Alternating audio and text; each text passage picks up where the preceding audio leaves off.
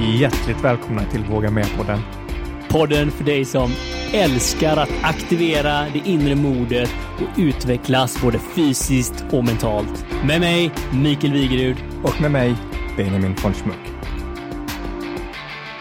Det är ju en ny studio varje gång. Bam! Våga mera sommarstudio.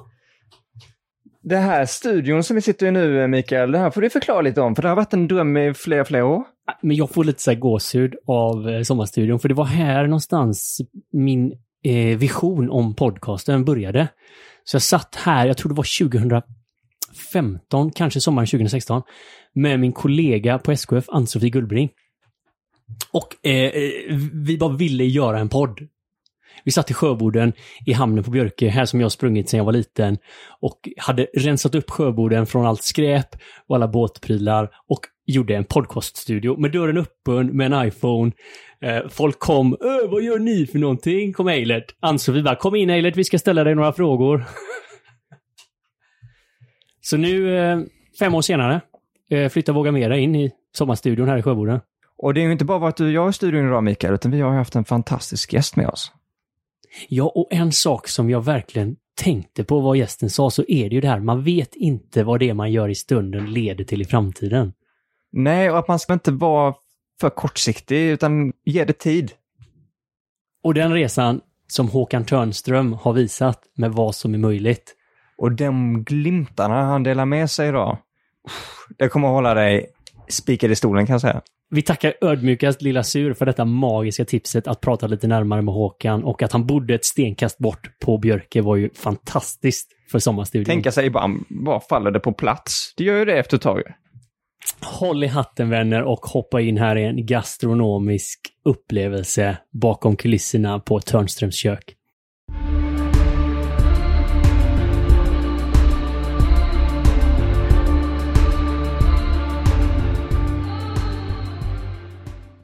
Ja, idag så eh, sitter vi ju här med eh, landets och kanske en av eh, världens eh, ledande kockar. En stor inspiratör för många inom yrket och för oerhört mycket gäster som under decennier har fått gastronomiska upplevelser. Eh, vi fick ju ett litet specialtips från våra surdegsvänner på Lilla Sur. Och kort därefter nu så sitter vi här med Håkan Törnström själv. Varmt välkommen till Våga Mera. Ja, tack för det. Det var en eh, storslagen... eh, Storslagen eh, på presentation där för den. Bara i uppvärmningssnacket så har vi ju hunnit med en resa med kungligheter och Nobelmiddagar och Michelinstjärnor och ja, man vet ju inte var man ska börja Benjamin, eller vad säger du? Nej, vi- kan börja så enkelt som, vem är du? Ja, jag är eh, till ålder 50, fyller 54. Jag har börjat liksom, sen jag fyllde 50 så har jag nästan släppt och kollat hur, exakt hur gammal jag är. Men det är, jag skulle säga 53, fyller 54 i år. Har sedan jag var, ja, jag vet inte, eh, säg att jag var 14 i alla fall. Eh, eh velat bli kock. Jag tror att jag har kommit över att vilja bli kock. Jag är nog kock nu och, och eh, ehm, jag har bara lagat mat i hela mitt liv. Eh, och jag har svårt att se någonting annat. Så jag har haft världens eh, tur, ska jag säga, att, att, att tidigt få kunna bestämma mig för att göra precis det jag vill. Ehm, vilket har underlättat eh, långa dagar. Eh, mycket tid som man har investerat in i, i det här yrket och arbetet. Det, det har liksom inte skavt så mycket utan det är mm, så länge man vaknar upp och, och går till jobbet och, och tycker att det är kul.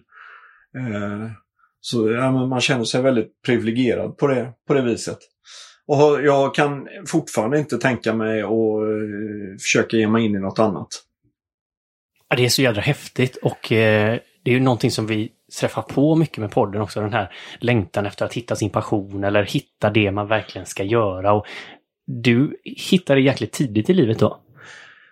Ja, det, ja, jag har aldrig kunnat tänka mig att göra någonting annat. Eh, Jag, jag har inte direkt provat på att göra något annat heller så att jag vet inte riktigt. Eh, Nej, men det har inte funnits behov för det väl? Nej, kanske bartender någon gång senare i livet men eh, nej, jag vet inte fast. Nej, det, det är någonting med det här eh, som är i restaurangbranschen som är så jädra kul alltså. Och, och, ehm, sen, sen har man ju såklart då återigen, man har arbetat väldigt mycket och det är eh, ju mer du arbetar och, och tränar, det är klart att det blir utdelning på det och, och, och eh, det du växlar ut någon gång.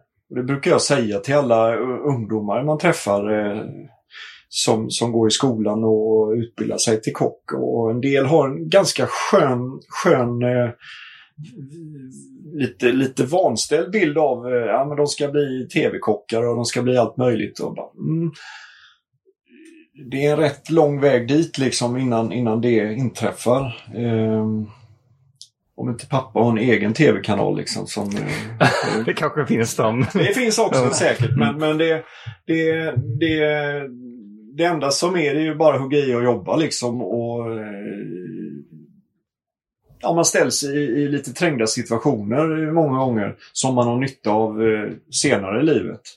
Eh, ja, som, som för mig själv, det är, eh, som är väldigt många eh, kan vara bland det värsta som finns. Jag går upp och står och pratar inför folk och eh, scenskräck och sådär.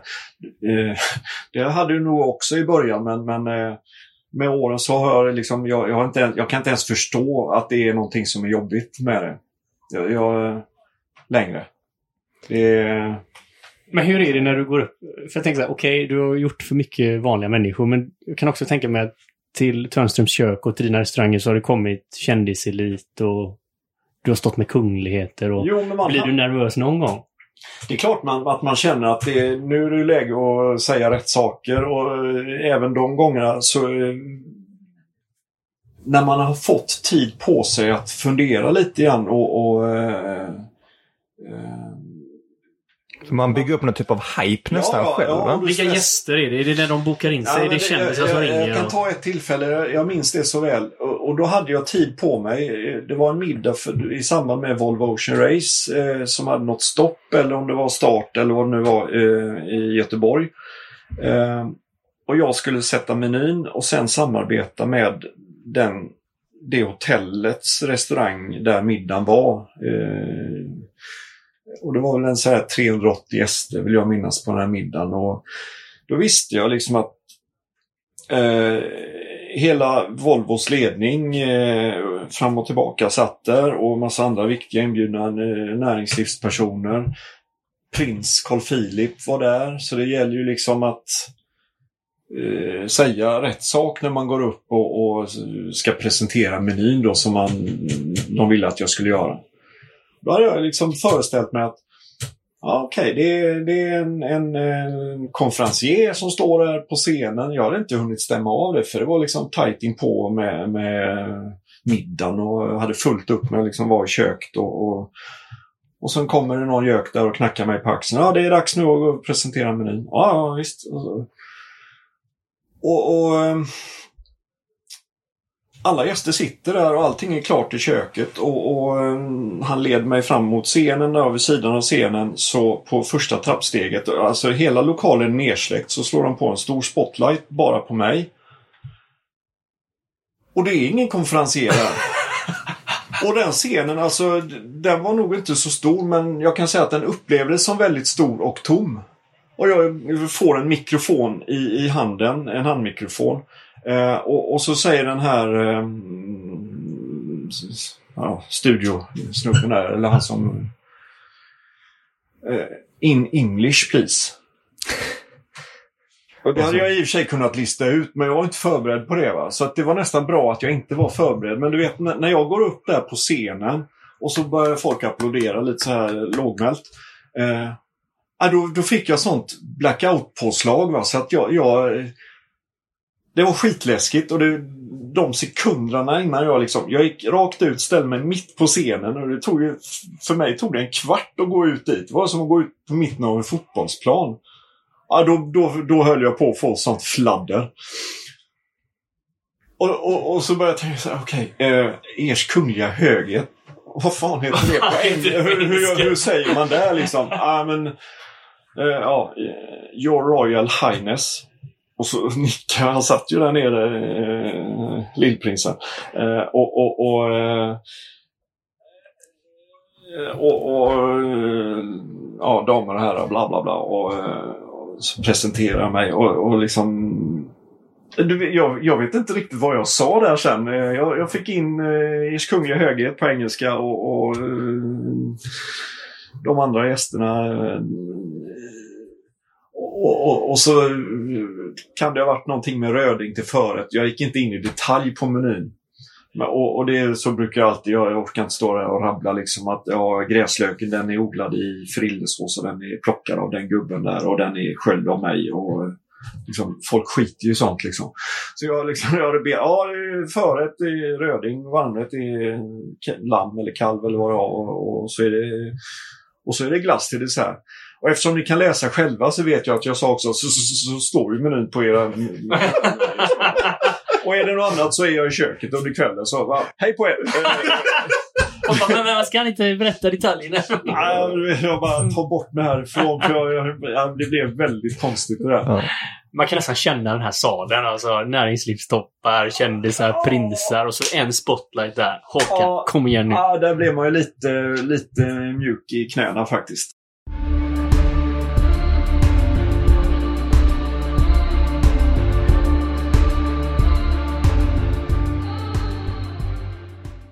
jag tänker lite så här. Det, det, är ju lätt, eh, man sitter och så, eh, allting som du har gjort och så, men du började ju någonstans också.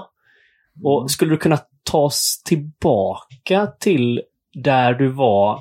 Vi vet att du gillade mat, men någonstans bestämde du att du skulle öppna en restaurang. Ja, men det där var ju långt. Alltså, jag började, jag, jag fick, jag, jag, ville liksom in i restaurangbranschen och eh, det var mellan åttan och nian. Vad är man då? 14, fyller 15? Ja, moppeålder. Moppe där någonstans ja. Då, då eh, kontaktade jag Park Aveny i Göteborg eh, och då var det en eh, gobbe där som heter Walter Seder som var kökschef. Han lever inte längre idag. Och det var old school på riktigt där. Och jag frågade om jag fick vara med där under sommar, på sommarlovet mellan åttan och nian i köket.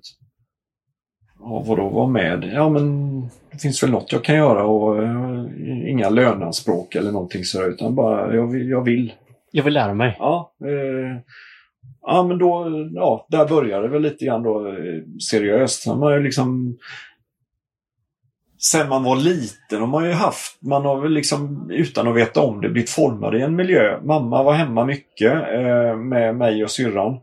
Och det saftades och syltades och, och jag hade förmånen att få bo i hus där vi kunde odla lite grann i en trädgård och äpplen och menar, allt sånt där som finns i en, som man kan åstadkomma i med en, en, en lite husbehovsodling sådär. Och mormor och morfar på Bosmalmen, eh, det var ju liksom fisk eh, rätt nära inpå hela tiden. Man blev nedskickad till eh, Ica, eller vad, nej, Konsum heter det, Klippan. Eh, och, och, köpa makrill svart av någon eh, fiskargobbe som stod där på förmiddagarna. Som varit ute och dörrt på morgonen. Så det var liksom inget konstigt. Man köpte fyra makrillar och hängde på, eh, med, de najade ihop det med ståltråd. Man fick det liksom sådär i handen och så cyklade man hem med det på styret. Eh, och så var det makrill till lunch. Ah. Så, så, maten och doften har ju liksom funnits där hela tiden, rätt på, på en. Kanske är det som var grunden. Nej men sen, sen eh, gick jag restaurangskolan. Man jobbar jättemycket under tiden. Man sökte ju extrajobb och, och kom in i kök här och där i Göteborg. Eh, gjorde militärtjänst på, på en patrullbåt som kock. Eh, och ganska tidigt började jag försöka, alltså det fanns ju mer då med matlådor, man kunde ju tävla i det och sådär. Så jag liksom gick all in för att tävla i allt som gick att tävla i, i matlagningsmässigt. Eh. Sen dök det upp det här med kocklandslaget. De sökte ju eh, till ett nytt lag och då fick man anmäla sitt intresse där och så blev man uttagen till en sluttävling. Och då kom jag med i kocklandslaget och var nog väldigt tidig. Jag tror jag var 20, 20 någonting, eh, någonting jag kom med där. Då är man väldigt ung i Ja, men jag landslaget. var typ yngst och, och vi, de andra var några år äldre med oss. Så vi såg ut som ett gäng juniorer hela högen liksom, när vi kom ner till Tyskland och, och mötte liksom de andra europeiska stora landslagen. Det var ju gubbar allihopa, skäggiga gubbar hela högen liksom. Eh, Tyskar och, och med stor mage och allting. Så att det liksom... Ja, som, ju... som halvtysk med, med skägg så har jag i alla fall inte magen. Nej, nej, du, du ser tajt ut. Men, men du vet, och de trodde ju att vi var i juniorlaget som kom med... Vi Ja, hur, to- hur, hur tog de emot det och hur såg de er som... De, de hade ju... De, de tyckte ju ingenting. Vi kom ju från ingenstans liksom. Ja. Men vi... eh, Under de åtta åren jag var med då i kocklandslaget eh, då Ja, men då, då arbetade vi upp oss på en ganska hög nivå och eh, lämnade det ifrån oss, eh, vår erfarenhet samlat och så har ju nya lag kommit efter. Och de nya lagen som har varit efter oss jag, jag, jag- tar ingen cred för, för att vi banar vägen på något sätt, men vi, vi gjorde en del inför vad som komma skall. Eh, och eh, sen dess har ju Sverige varit i topp, toppskiktet vunnit eh, tävlingar, eh, både matolympiaden och som är den stora. Eh, men även de här World Cup-tävlingarna som är runt om i världen. Eh, så att det, det vi inledde då eh, var ju... det var ju rena Klondiken. Vi, gjorde, det, vi visste ju inte vad... Vi hade ju inga referenser till hur det var tidigare. Det var ju då, när vi, då gick vi in i det med en satsning i alla fall. Vi hade sponsorer och... För det här är, är det tidigt 90-tal du började i Ja, det landslaget? Det det var då ja. Eh, nej, det... Ja, ja 89, sent 80-tal skulle jag nog säga Ja. istället. 88 där någonstans. Okej, började. skarven här någonstans, slutet 80-talet. För det är en helt annan bransch. Va? Om vi bara som, liksom, vi som har mycket sett rockyrket nu och med tv-program och liksom kändisskap och sånt. Hur är det här på slutet av 80-talet? Ja, men då börjar, då börjar det ju liksom sakta men säkert eh, bli eh, accepterat och det, det blir mer det blir mer, vi, kockar blir synligare på ett helt annat sätt. Eh, och, och det blir ju lite så här eh, hypat med det faktiskt. Eh, man, man syns i, det finns ju, fanns ju inte ett, då ett kaféprogram på tv utan att det var något matlagningsinslag med någon kock som var känd och, och det var enskilda. Det, var, det hände väldigt mycket där då, vill jag minnas. Eh, så vi fick, alltså som kock fick man ju rätt stor, eh, jag ska inte säga rockstjärna, ja men det var, det blev väldigt... Eh, Men det börjar bli mer status på Ja. yrket va? Men det kanske inte, för jag tänker mat har alltid varit centralt och i många kulturer så är maten centralt för familjen och det är där man samlas. Om man då till exempel i, i tv, ja då blir det kanske naturligt att man samlas vid tv-kocken eller runt Mm. där? Det är väl kanske inte helt... Ja, det var nog väldigt stämningssättande och, och ja, ja, men det hände mycket där i alla fall och, och eh, vi eh, blev synliggjorda mycket mer. Eh, och då tidigare så hade ju eh, äldre kockar, om man då tar kocklandslaget, de hade ju liksom i, den svenska eh, kökschefers eh, förening, organisationen då som samordnade detta internationellt. Då hade de ju dratt ihop ett gäng eh, ja, duktiga kockar, absolut. Mm, typ någon månad innan och klurat ut vad de ska göra och åka ner till Frankfurt och tävla på olympiaden. Och så var det inte mer med det. Och det blev ju kanske inte de högsta placeringarna riktigt då heller. Men sen började, eh, när vi gick in i en fyraårsperiod med sponsorer och en strategi och en satsning så blev det en helt annan grej och, och det fanns ju så mycket mer personer involverade i, i, i kring laget liksom. Eh. Med, Så man gick lite grann från ett gäng individer bara till liksom en mer enhet Ja, det blev liksom... en organisation som, Ja. som det fanns en plan i, en fyraårsplan. Och det var tävlingar eh, en gång om året och så testar man av delgrejer som skulle mynna ut fjärde året på olympiaden då när allting liksom pikade. Och det var kokböcker och det var medverkan i det ena och det andra och, och eh, det, det fanns liksom en marknadsorganisation som började styra upp en plan för de här fyra åren. Som gav oss som individer en väldigt bra skjuts, absolut. Så parallellt med det så tävlar man i Årets Kock. Eh, jag eh, vann aldrig den tävlingen och nu, nu har jag liksom för länge, länge sedan jag var, jag var i semifinal sju gånger och i final tre gånger vill jag minnas. Eh, och, och eh, lyckades aldrig vinna. Och det grämer mig alltid och kommer alltid göra, men det är som det är. Eh, det har funkat ändå. Det, det kan man lugnt säga. Men, men någonstans här och efter landslagstävlingarna och, och den här stora förändringen ni gjorde kring det så bestämmer du dig, alltså växer det fram att du ska öppna något eget då? Ja, men det kommer ju i den, i den perioden där eh, väldigt tydligt kanske från 94, 95, 96 under de tre åren där. För då är, då är man ju så mitt uppe i alltihopa. Man, får, eh, man är tvungen att eh, bilda enskilt bolag för man får rätt mycket enskilda uppdrag eh, som ska faktureras. Så du och giggar lite som ja, vi hade sagt idag? Det, och det är liksom, eh, och fortfarande då så jobbar man så jävla mycket så att det är ju bara pengar in. Det går aldrig pengar ut liksom för det finns inte tid till det. Så att då lyckas jag väl liksom lite grann bygga upp ett litet kapital och då känner man så här efter ett tag också. Okej, okay, eh, min dåvarande arbetsplats det var både Panorama Hotel och, och även Rubinen på, som kökschef. Och då bara känner så här, oh, man vill ju nog kanske göra något eget. Jobba för sig själv. Jobba för sig själv. För all den tid man ändå lägger ner, då, då kan jag lika gärna stå och jobba eh, för mig själv. Och här vill jag hänga lite för det här är ju magiskt för nu börjar vi ju verkligen eh, entreprenörsresan ju. Oh. Att vara så duktig på mat, det är ju en pusselbit av många för att liksom gå in och börja driva eget. Och vi pratade lite grann, som vi var inne och touchade på innan, med människor, hur man hanterar det. Och nu kommer vi in på kanske personal och på andra bitar också. Hur var den här resan? Ja, men det, det ja, för att göra, göra liksom, det, det, blev, det, blev, det dök upp ett tillfälle med eh, Törnström kök. Eh, den, det var en krog som hade gått konkurs på den adressen eh, bara ett år tidigare och den var helt nybyggd så att det fanns inte så mycket att göra egentligen. Och allting, ja men fan, här ser det ju bra ut liksom. Vi byter färg på dukarna och eh, gör om lite grann. Det var inte så mycket att göra egentligen. Allt var ju nytt och fräscht och klart. Eh, och jag köpte då konkursboet och, och eh, skrev på ett separat med hyresavtalet. Och det var ju då påsken 97. Eh, och det, det var liksom, jag tänkte, lite naivt kanske, men jag tänkte, ja, och, ja, ja, då var man med restaurangen nu. Det, det gick väldigt fort och väldigt smärtfritt egentligen. Det var mycket som hände såklart.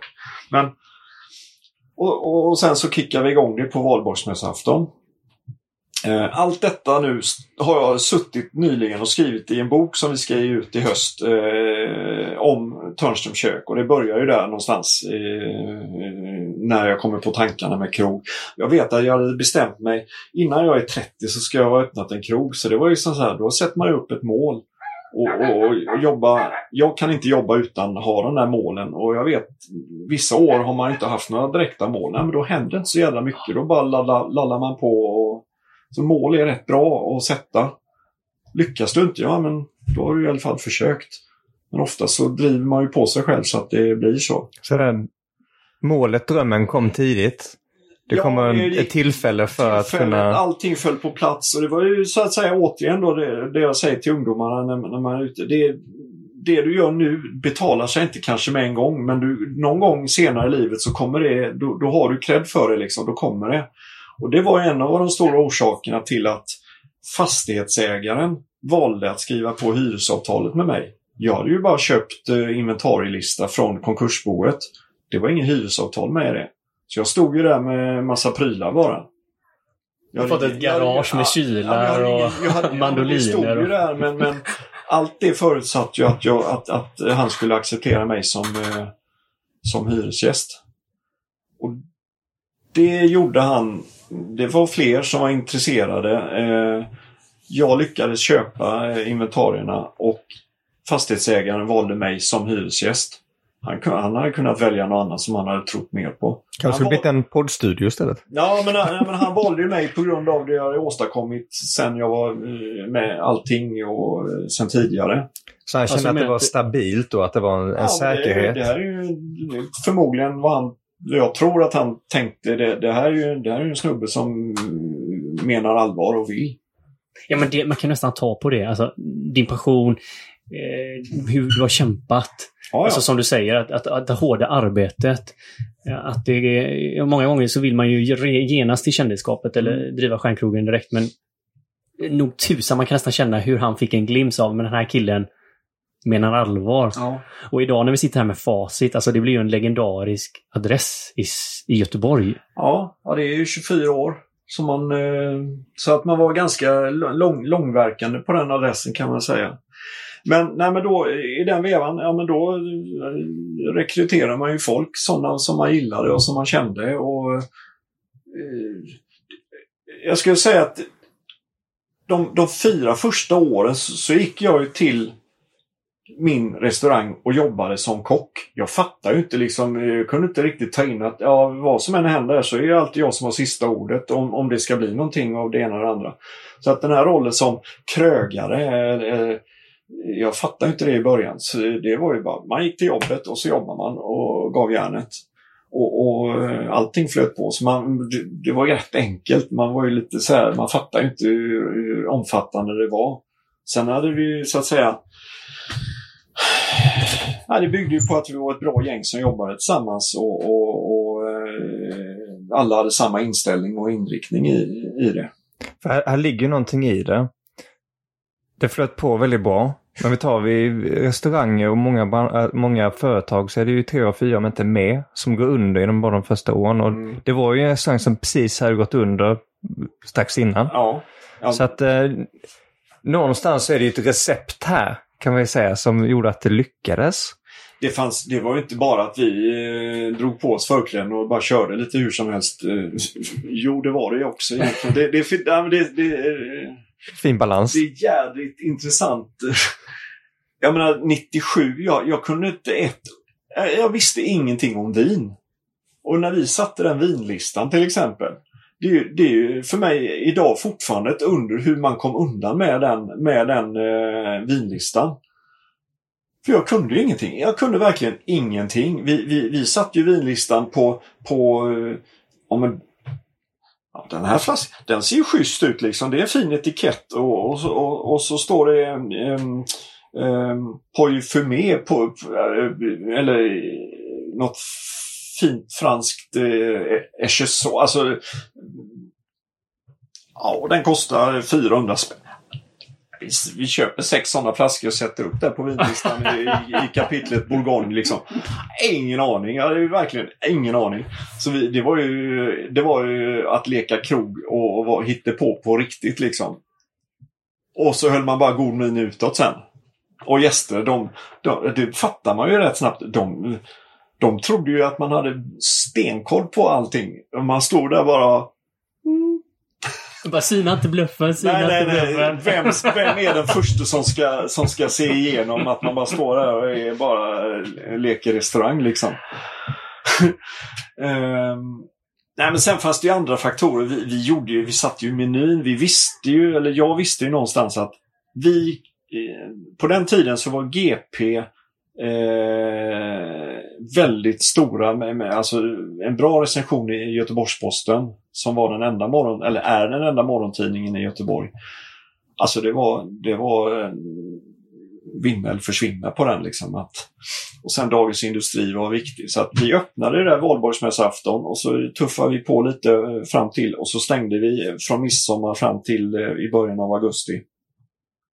Då hade de ju varit och testat oss, båda tidningarna, innan vi hann stänga. Så där var vinna eller försvinna. Ja, och då hade vi ju liksom förberett oss. Jag hade ju förberett mig med att skriva en meny som var så idiotsäker. Eh, kunde inte misstolkas på något sätt och någonting som var så här helgarderade rätter som var förbaskat goda och, och lätt att "Uff, det, här var, det här var riktigt gott liksom. Inte ge utrymme för någonting som skulle kunna sladda iväg och bli något konstigt i uppfattningen. För att vi ska få en liten känsla här, vad, vad är det för rätter på menyn? Ja, det kommer jag inte ihåg nu, men, men det, var, det var liksom... Men man, man, man, eh, man, jag valde liksom råvaror. Jag kommer inte ihåg vad jag hade... det- Någonstans går det säkert att klura fram vad den där menyn bestod av. Eh, Det är synd jag inte kunnat göra det. Men... Det var i alla fall ingen skagentoast med pepparrot. Ja, men det skulle, det skulle ju mycket väl kunna vara det. För det är, ju, det är ju så jädra gott så det finns ju inte om man gör det på rätt sätt. Eh, Och det skulle ju absolut inte vara någon pepparrot.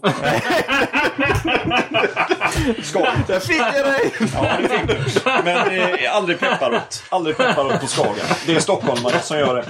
Ja, men, ja, eh, nej, men man, eh, att välja en rätt med pilgrimsmusslor till exempel. Eh, istället för eh, en rätt med sjöborre. Det var enkelt att välja av de två råvarorna. Då kör vi en pilgrimsmussla halstrat och så lite jordärtskockskräm till det. Och, och, och, och lite fräscha örter och, och, och något krispigt eh, fnös uppe på. Det, det är ju full pott på det liksom. Hade man gjort något, något med sjöborre och utfört det korrekt så kan jag lova att de journalisterna aldrig har ätit sjöborre innan. Så de, de har ingen koll på det liksom. Ja, alltså man tänker lite grann på vad är det för grupp här och Ja, som ja. ska komma. Hur bygger man upp det här för riktig vinst? Ja, det, mm. och det var ju det vi gjorde och det betalade ju sig, det, det greppet. Sen att vi lyckades eh, med, med vinlistan, det, det... Ibland har man ju bara tur och röta liksom. Ja, men det är så häftigt i entreprenörsresor, för när vi hör dig säga detta, det är ju liksom overkligt att du också någonstans har börjat. Jo, men vi, vi var- bara famlade liksom i, på, på, på matsalssidan. Okej, okay, och så frågar min då, dåvarande restaurangchef, hur, hur tycker du att vi ska duka upp och hur ska vi liksom bryta servetten? Och, inte fan vet jag, det är bara gör något som, som är enhetligt och ser bra ut. Så, du vet, jag, jag la inte ens vikt vid det. Jag var ju kock de fyra första åren. Jag gick till jobbet och lagade mat och så var jag kock och sen, sen tänkte jag inte så mycket mer på det andra. Så andra i ditt lag här fick ta jäkligt stort ansvar. Ja, det gjorde de ju absolut och skötte ju det de skulle. Och visst, man var ju där och försökte liksom ha synpunkter och sådär och, och, och att man tittade, man så här vidvinkelsyn på allting. Att, man fattar ju det också att eh, skitigt i entrén, det är inte så bra liksom. Det är det första du möter när du går på en krog. Det är väl bra om det inte är eh, stökigt utanför. Och, att fönsterrutorna är putsade liksom. Så sånt fick man ju gå. Det, det struntar ju de andra kockarna i och andra. Så att man tänkte väl eh, men, på helheten. Men ändå så la man inte så mycket vikt vid det utan man lagar mat. Punkt. Eh. Men det är jäkligt häftigt detta, för det känns också ganska banbrytande, alltså ledarskap i en bransch som är ganska hierarkisk och jag kan tänka mig att mycket äldre herrar har bestämt mycket, mycket detaljer och inte alltid på det mest vänliga sättet. Ja, det kan ju vara lite kultur bakom det också. Som du nämnde innan, eh, sätta på mickarna. Med ett franskt kök så ska man vara väldigt auktoritär och Ja. kanske bestämmande hela vägen ner till hur servetten ska vikas. Nej, men det, jag har aldrig varit sån att, att, att, man, att man går in och pekar med hela handen och, och eh, höjer rösten och, och, eh, utan att... Det har hänt några gånger, men det är väldigt sällan. Det har aldrig behövts, för det, jag har haft så pass eh, smarta och begåvade kollegor hela tiden så att eh, det har aldrig liksom varit eh, behov av det. Kanske någon gång sådär, men... Ja, men det är ju skitcoolt. Alltså, det är ju ett ledarskap och det har ju legat naturligt för dig. Men, men jag menar, i en Ja. bransch där jag skulle säga det gapas väl ganska mycket annars överlag i restauranger. Om inget på tv i alla fall. Ja, nej, men det, man, det har väl branschen fått en viss genom åren. En, en, bild av att, att eh, vissa personer, det fin- finns några brittiska kockar som är helt hysteriska liksom och, och, och att det är penalistiskt och att det är sexistiskt och att det är allting det här. Eh, Själv har jag aldrig liksom... Det har aldrig kommit mig för eh, lite grann.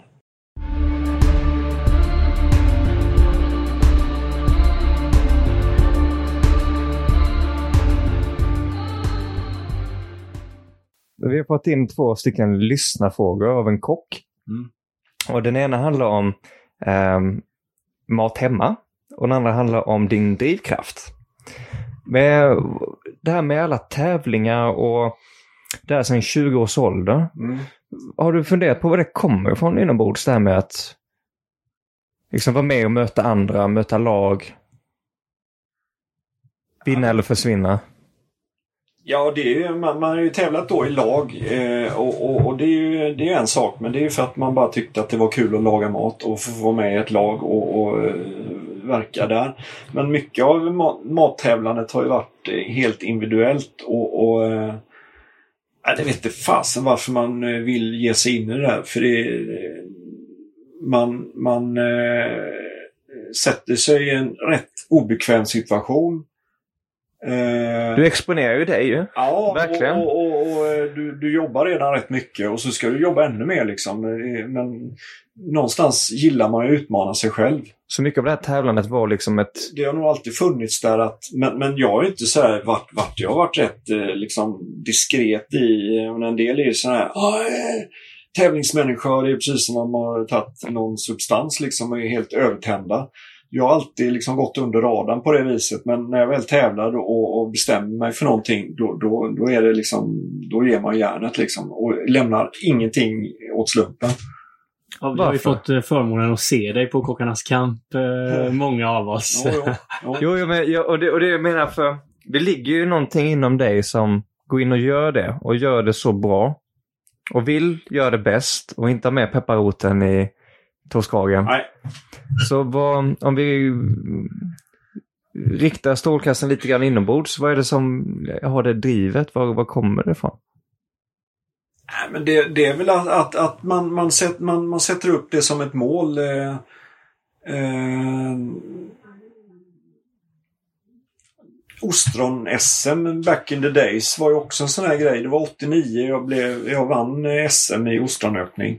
Och då var vi liksom en gäng där som tävlade och det var, vi var fyra, fem stycken som var i en nivå högst upp liksom någonstans. Och det var inte självklart att jag skulle vinna men några år på raken så, så var jag det gick rätt bra liksom för att jag la ju ner själen i, i, i att, att förfina. Eh, Okej. Okay.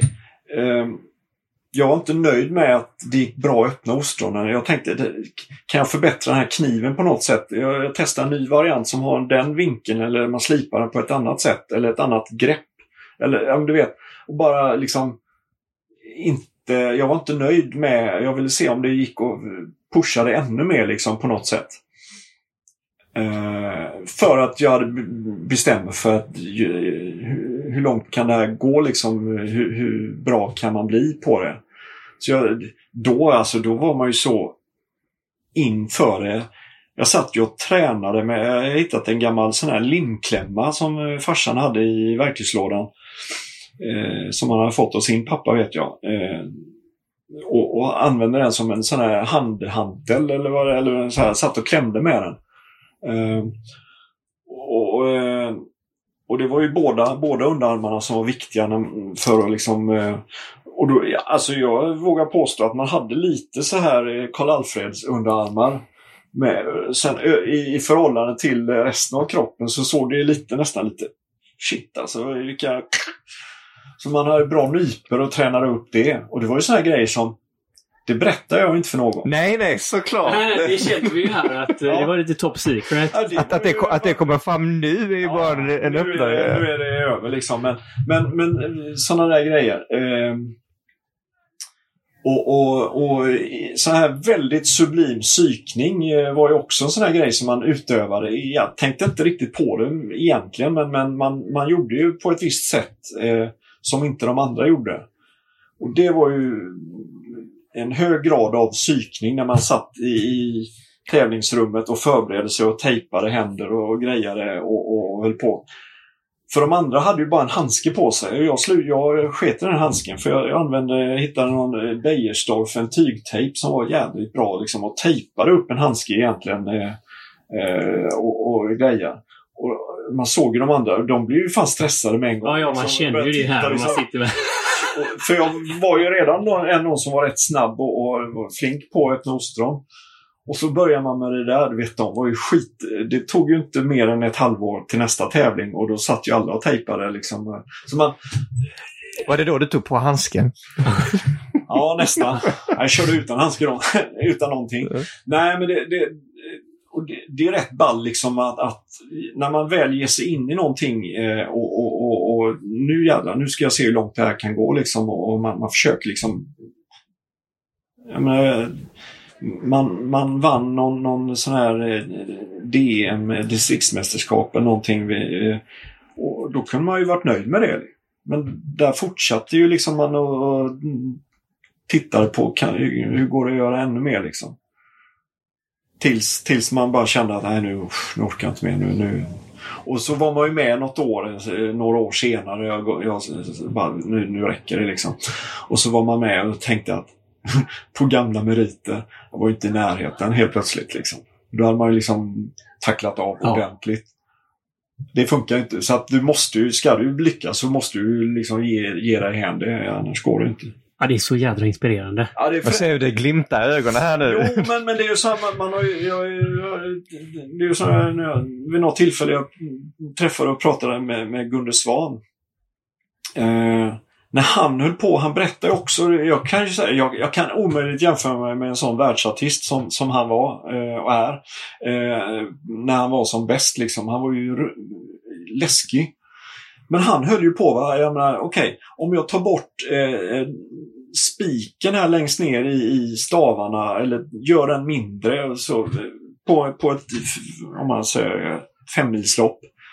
Varje sån, eh, då sparar jag 7,8 kilo i vikt eh, att, att liksom anstränga mig mot. Är ju lite... eh, Nej men alltså hitta liksom Ja, in- inkrementella grejer hela tiden. Ja, ja, det är lite liksom- som eh, med kniven här på ostronöppningen. Ja. Alltså, Kan man för, förfina underarmarna? Kan man kanske minska luftmotståndet genom att raka armen? Alltså liksom hitta Ja. inkrementella Till grejer hela så tiden. går du ner på rätt små... mm, Ja men en, en, procent, men- en procent på allting blir ju väldigt många procent. Men det kan ju vara mentalt påverkande också egentligen. Eh, Det det är ju i modern tid alla, alla duktiga idrottsmän och kvinnor som, som eh, jobbar med mental träning. Liksom. Det är, förr var det ju, då tog man ju en mellanöl istället. Liksom, en cigg efter träningen. exakt. En påse bilar och en Ja, cigg. ja exakt. Det har hänt lite där faktiskt. Ja. Men jag tror du är inne på något. Det finns mer att hända här. Och, och det har väl du haft naturligt här. Att jobba med mentala bitar. Att ta det hela vägen ut. Förbättra, förfina, testa, iterera. Ja, man hamnar i det där läget att man, att man inte är nöjd någon gång egentligen. Utan man, man, man, det kan man vara för stunden, men man hittar ju alltid möjligheter att försöka ändra på någonting eller utveckla någonting. Det är ju som vissa recept man kör liksom. Eh, en en, en petit choux-smet som man gör, branddeg som det heter. Eh, det finns ju tusen recept på det om man, om man börjar googla och söka på det. Och jag har testat rätt många av dem eh, och bestämt att det här funkar. Och, och, eh, så har man liksom man, man har inte tagit första bästa utan man har liksom dubbeltestat det hela tiden. Och kommer det något nytt som man ser, vänta nu det här, det innehåller lite mer mjölk i det här receptet, undrar vad det gör i slutet. Så testar man det. Nej, händer ingenting. Ja, då skit i det då. då, då Men, men det är ju så lite grann av eh, alltså någon typ av per, perfektionism. Att det ska vara liksom... Ja, men att man söker att förbättra det hela tiden. För det går ju att göra det. Faktiskt. Till, men det, till slut kommer du någonstans kanske till vägs ände. Du får ge upp det där liksom. Nu, men nu, Nu är det här the holy grail av... Ja, så. Och då, då får man liksom, då, då finns det rätt många andra grejer man kan eh, grotta in sig på istället. Så att där, jag är inte, jag är inte helt eh, så att jag eh, blir galen liksom. Eh, men, men, Det är hårfin har, balans. jag har i min lilla bok några sådana Det här kan, det kan vi avgöra på denna sidan. supertrygga recept som jag liksom, nej men de har jag kommit så långt med så att jag, jag kör på dem. Det, jag kommer undan med det resten av mitt liv. är det, som vi, det är inte som vinlistan då? Nej, nej där finns mycket att göra fortfarande men eh, ja.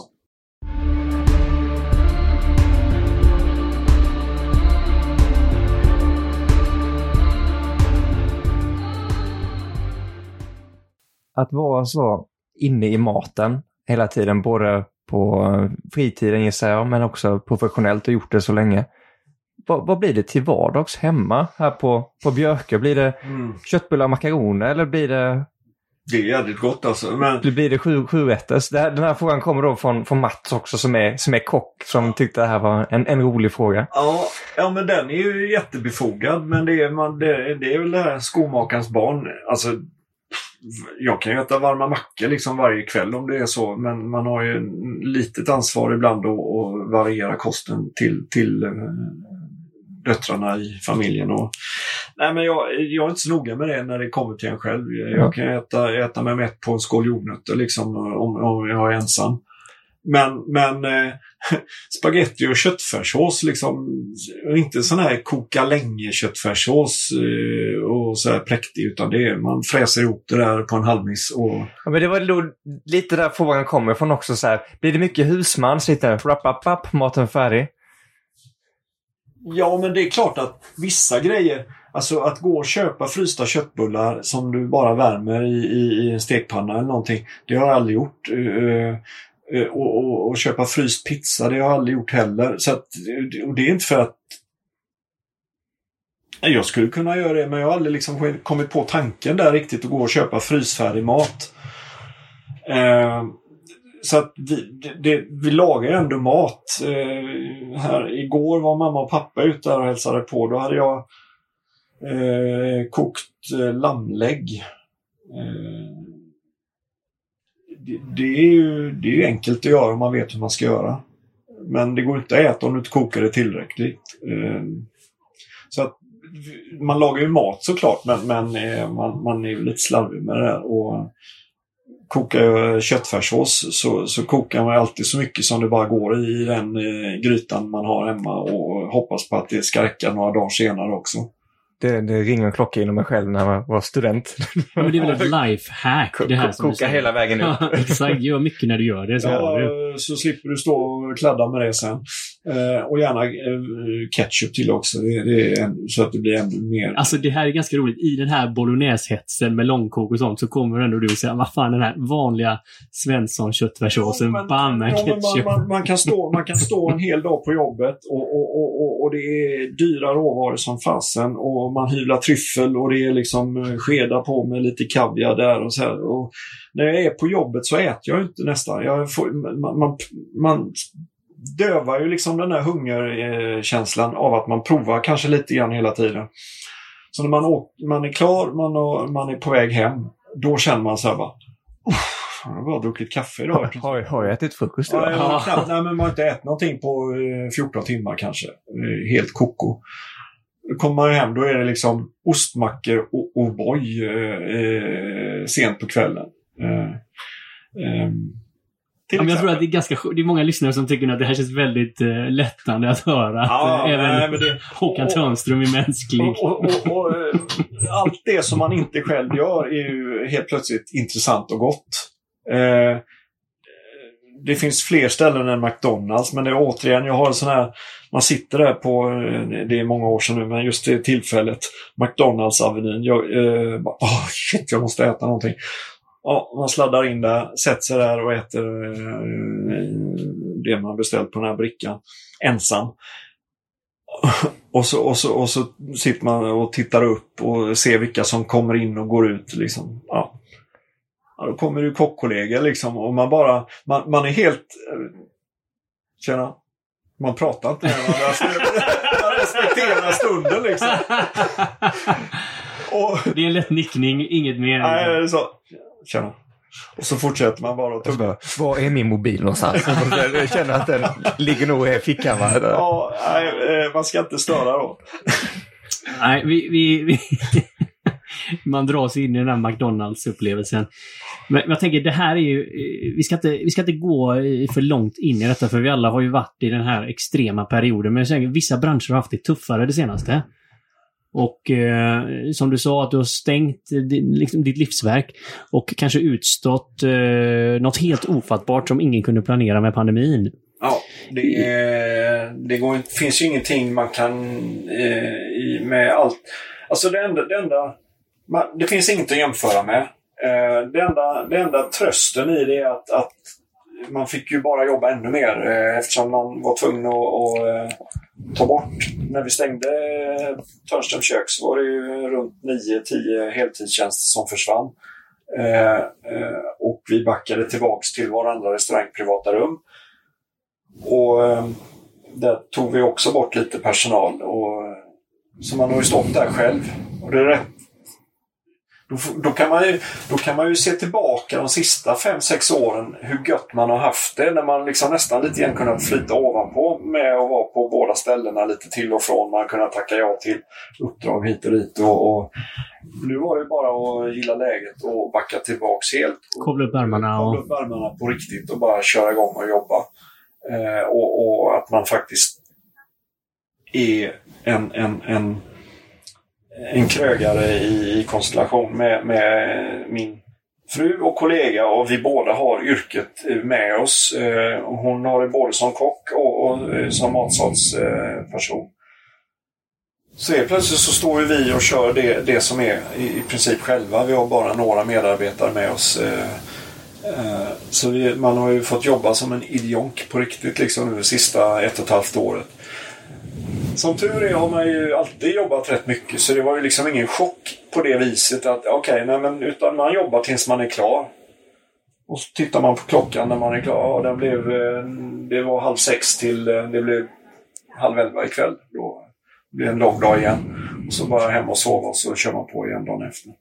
Så det har ju varit vissa dagar som har varit så intensiva. Hur tänker du framåt här nu? Ja, men det, det är lite för tidigt. Det, det är klart att Eh, det, det, på ett sätt var det rätt... När vi tog beslutet eh, att nej, men nu, nu, det funkar ju inte för på bara två dygn så försvann alla bokningar. På, eh, det var verkligen noll i boken. Det var inte så att det var lite, så här, eh, lite kvar. Utan det var borta allting. Och då fick vi ju bara, nej men det, det här kommer inte funka. Om vi ska rädda bolaget eh, på något sätt så får vi stänga liksom och gå ut med det. Eh, och det var jävligt veligt eh, då och man var helt... Ja, det tog ju... Ja, jag var ju inte klar i huvudet eh, riktigt. Anne var ju helt klar i huvudet och, och, och hade koll på det. Det tog ju flera veckor för mig liksom. Vad håller vi på med? Jag, jag bara dök ner i, i, i, i skärbrädan och ja. hackade liksom. Och dolde mig bakom det där. Med att bara börja producera och lägga mat i eh, lådor. Men hur, hur, hur känns det? För mat är någonting som är så nära och står så nära hjärtat kan man säga. Och, sen, och det här är någonting som är... Det är ju liksom en projicerad bild av det också. Restaurangen och de här bitarna. Och så kommer det här. Jo, men det blev, det blev så här, alltså det är då det här hur folk uppfattar den utifrån. När, när vi då eh, i den veckan när, när, när det var ett faktum eh, ställer om och redan på eh, fredagen, det var på onsdagen vi sa upp all personal. På måndagen hade vi ett, det var 16 mars, måndag, hade vi ett möte med personalen. Då, då, liksom, det händer, det är någonting på gång här liksom. Eh, vi, vi, får nog vara beredda på att hugga i lite extra nu och eh, vi vet ingenting. Alla var med på det och alla var liksom helt skärrade. Och sen gick det två dygn, onsdag eftermiddag och då, då gick vi bara undan, jag och Anna vi stänger. Vi skiter i den. Det får, det, så det var ju, vi tog ju ett sånt ganska förivrat, eller det var ju det var inte så här, kanske då jättegenomtänkt. Eh, med facit i hand så var det ju väldigt bra. Eh, för att liksom annars hade det bara vi hade förlorat så mycket pengar och, och inte kunnat hålla den nivån. Ja. Du hade eh, eldat upp pengarna. Ja, men det hade verkligen gjort det och äventyrat då stjärnan som är liksom, vem bryr sig om det egentligen? Ja, innerst inne gör man ju det. Vi, vi var ute på väldigt tunn is helt plötsligt om vi skulle fortsätta och försöka upprätthålla den nivån. Är det inte stjärna, oavsett om det är krig eller inte, så är det ju inte det. Och då tar de ju bort den från guidens sida. Och det var ju, i, i, i, ett visst läge så är det ju det sämsta eh, scenariot. För då blir du ihågkommen med att ja, höll inte måttet, blir av med stjärnan. Många tidningar som gärna skulle skriva. Och, och, och hur, hur, hur, länge har ni haft stjärnan här då? Sen 2011. Sen 2011? Ja. Så att det var ju rätt nice i, efter sommaren då eh, att, att i september eh, formellt skriva till Michelinguiden och, och tala om att vi stänger restaurangen och vi eh, tackar för de här åren och att vi har fått vara med i er guide. Och, eh, vi, vi vill gärna informera er om vad vi tar vägen i framledes och sådär. Och vi fick ett, två dagar senare så kom det ett brev tillbaka då, skrivet liksom från dem och de beklagade. Och, och ja. Men att, att själv ta initiativet att lämna tillbaks stjärnan så att säga. Men du tog ledning på det här Ja. eh, tuffa beslutet. Ja, och jag har en kopia kvar i, och den har jag alltid med mig. Liksom det, det jag skrev, det var en hel A4 och berättade liksom väldigt grundligt anledningar och allting. Och det, var rätt, det var väldigt viktigt för mig att få det eh, att jag tog det initiativet och, och säga upp det och inte att de eh, tog det ifrån mig. Men som, Jävligt en, modigt alltså. som en boxare också, att man, man kanske vill lämna det när man känner att nu, nu är det okej, istället för att köra. Och försök. Genom krig, så att säga. Att, Ja. att det är när, när man är liksom, allting är emot en och det bara går ner för egentligen. Du, du kan upprätthålla det en stund men du klarar inte hela vägen. Och då till slut så eh, ryker det och då... Nej, så att det var jävligt skönt och det, man vet det. Och eh, jag blev aldrig av med den utan jag lämnade tillbaks stjärnan. Det, var, det, det, det är viktigt för jag, jag tänker fortsätta rätt många år till. Tänker jag. Så att, Ja, det ser vi. ja, det känner vi i studion. Var ska den här energin ta vägen annars? Nej, men då, just det här med, med vad, vad man lagar och sådär. Nej, men då ställde vi om och det var Anna också, för jag fattar ingenting. Det, hon ska ha så mycket cred för detta. Eh, att hon ändå kunde tänka någorlunda klart. För jag var helt, jag var helt handlingsförlamad den här veckan. Men man känner här, hon tog fram sina röda egenskaper, Ja, går in i eh, action och... Dödsröd på riktigt där. Okej, vi måste göra något annat. Eh, oh, Säger säg, vad ska vi göra? Vi gör vad som helst. och, och eh, Anne säger ja, vi lagar upp eh, portioner av någonting vi kan eh, skaka fram här och så åker vi ut eh, och ställer oss på Gustav Adolfs torg. Så hade vi en liten sån här Piaggio-moppe med, med en lucka, en flak där bak. Så åkte en, en av kockarna bort till eh, eh, vad heter det, eh, Kungsportsplatsen där vid i, eh, statyn. Kopparmöra.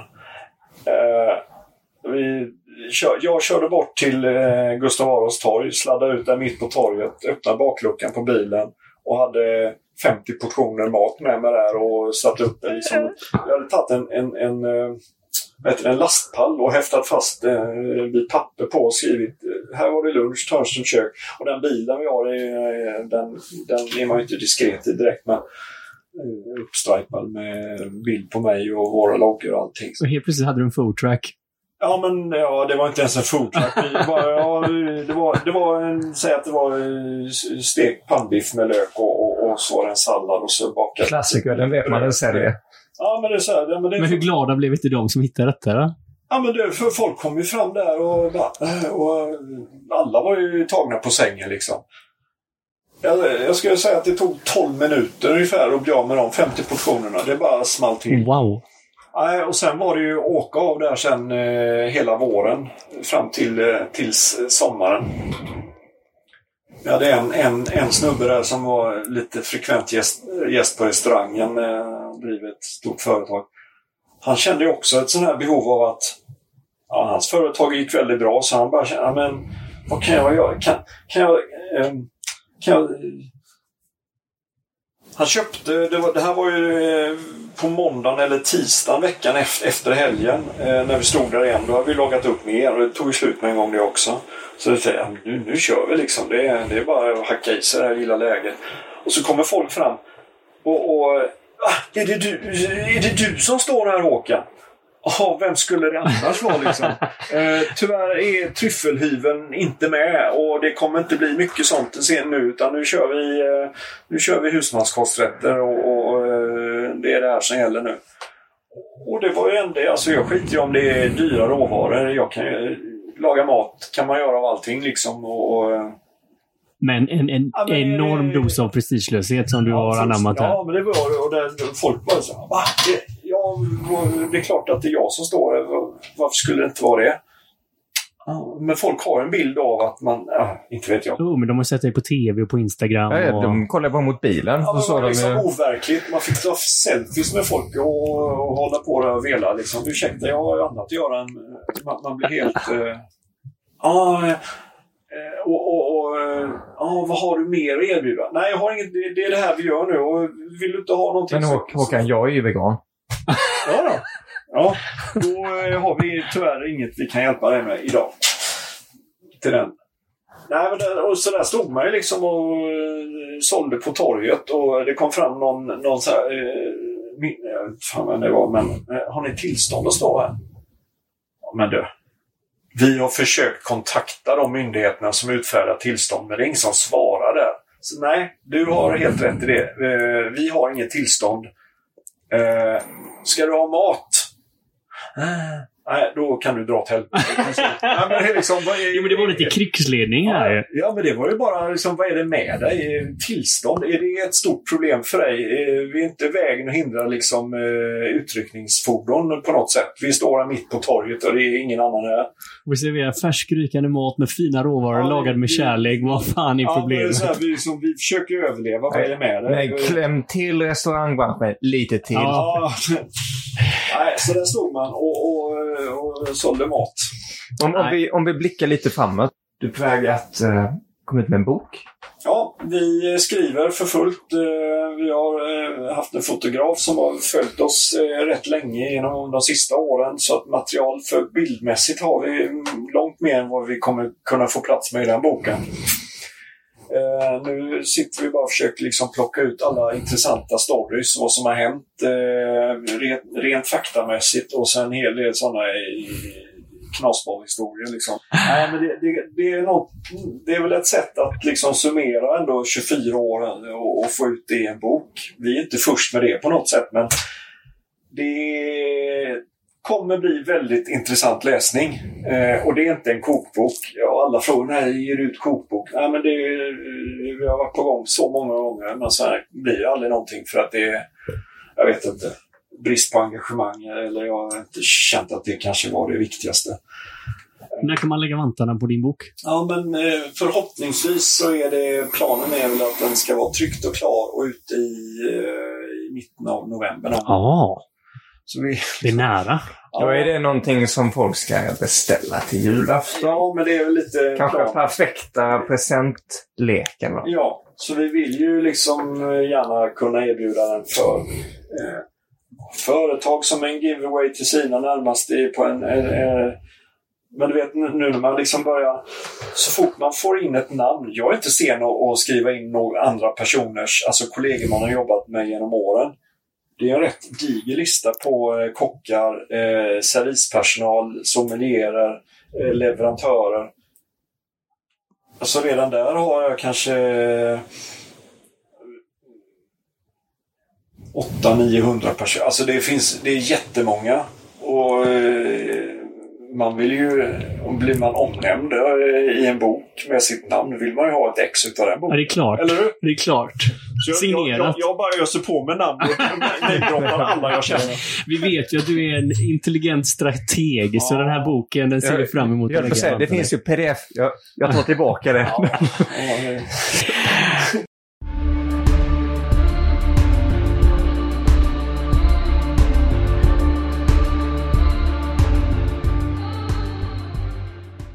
Nej, alltså Nobelmiddagen, den vill vi läsa om i boken. Ja, där finns en del. Ja. Eh, Det finns många andra sådana här stora middagar som, som, som man har fått vara med och eh, dra i och, och stå bakom. Eh, som folk tror att det är så jävla glättigt och allting. Det kan vara förenat med sjukt jobbiga situationer och, och, och, och, och sånt där vill du inte ens läsa om för du tror inte det kan hända bakom den här polerade ytan som blir utåt.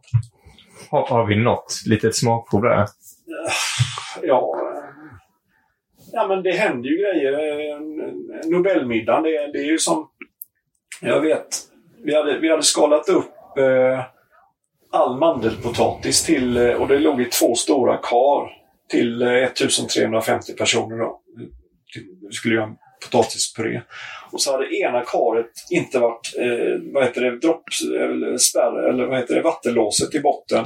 Hade inte varit riktigt bra. Det hade läckt liksom, eh, droppat ur.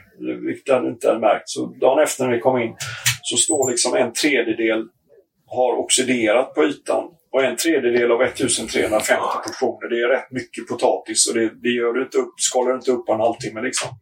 Oxiderat, var den blivit Ja, den, har sunkig ju då blivit, eller? eh, den har inte stått under vatten då i den här baljan. Eh, eh, och, och blivit svart liksom, eller fått mörknat. Och det ville vi inte. Och då var det bara att beställa en ny potatis och det blev lite ont om tid på slutet.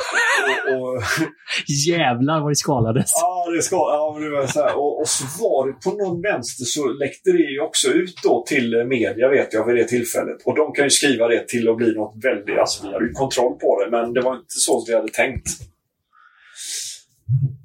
Det blev ju lite skriverier om det där att vi hade höll på att det höll på åt helvete allting liksom. Oh, såklart. De, de ser. Nu har vi, nu har vi rubrikerna här. Ja.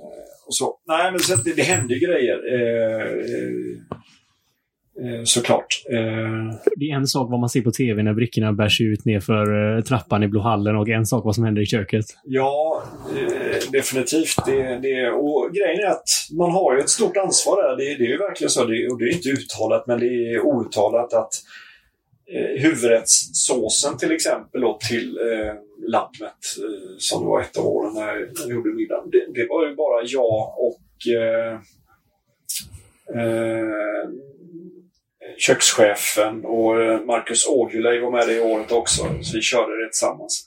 Eh, Det var ju bara vi som fick närma oss den stora eh, kokgrytan liksom, där vi gjorde såsen. För det är ju något som, skulle man vilja fucka upp det för, en sån här middag så är det rätt bra att hälla i något i den. Då får många problem liksom. för den såsen går ju, går ju till alla gäster Ja. i stort sett. Med 1300 gäster. Ja. Ja, det Inga laxeringsmedel i den såsen. Det är... Ja, men, ja, men typ någon, någonting som är bra. Det finns något mystiskt över hela detta. Eh, Det har varit fantastiskt roligt att få en liten, liten inblick i det här, den här resan. Och Ja, eh, det är halvvägs.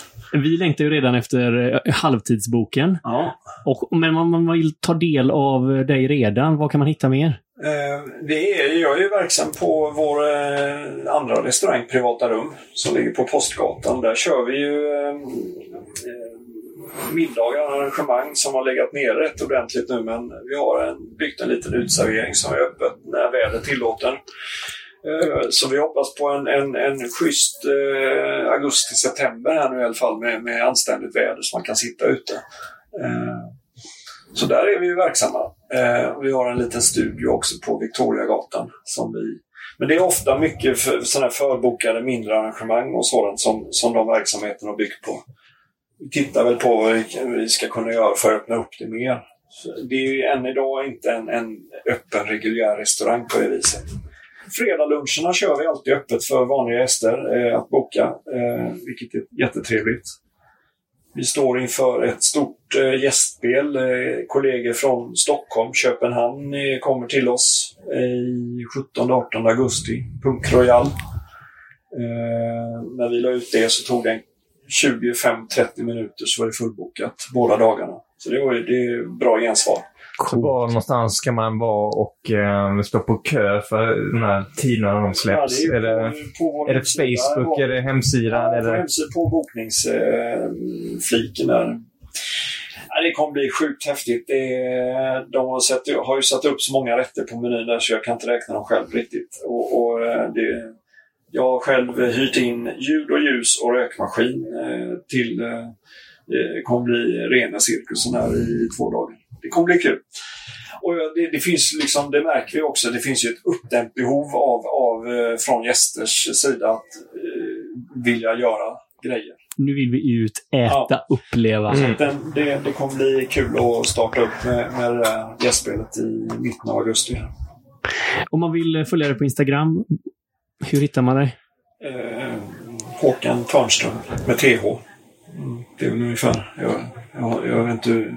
Att ha, Hakan Tornström tror jag det står. Uh, ja, det är mitt privata. Det, det ska man inte räkna med att det alltid blir så. Eh, uh, försöker, eh, min fru tycker att jag ska tona ner mig där lite grann ibland. Jag har gjort några grejer där genom åren som inte varit så jävla mycket. Man, man gör någonting som man tycker är självklart och man tror jag att alla ska förstå. Eh, Bilder på nakenbad och... den sköna ironin som man lägger i bilden och eh, texten till. Eh, alla förstår inte det tydligen. Va? Har vi lärt oss idag att alla är inte samma färg? Nej, men världens största tack, Ja, ja, tack. Håkan. Det har varit Superkul. fantastiskt roligt. Kul att få komma hit och prata med er. Tack.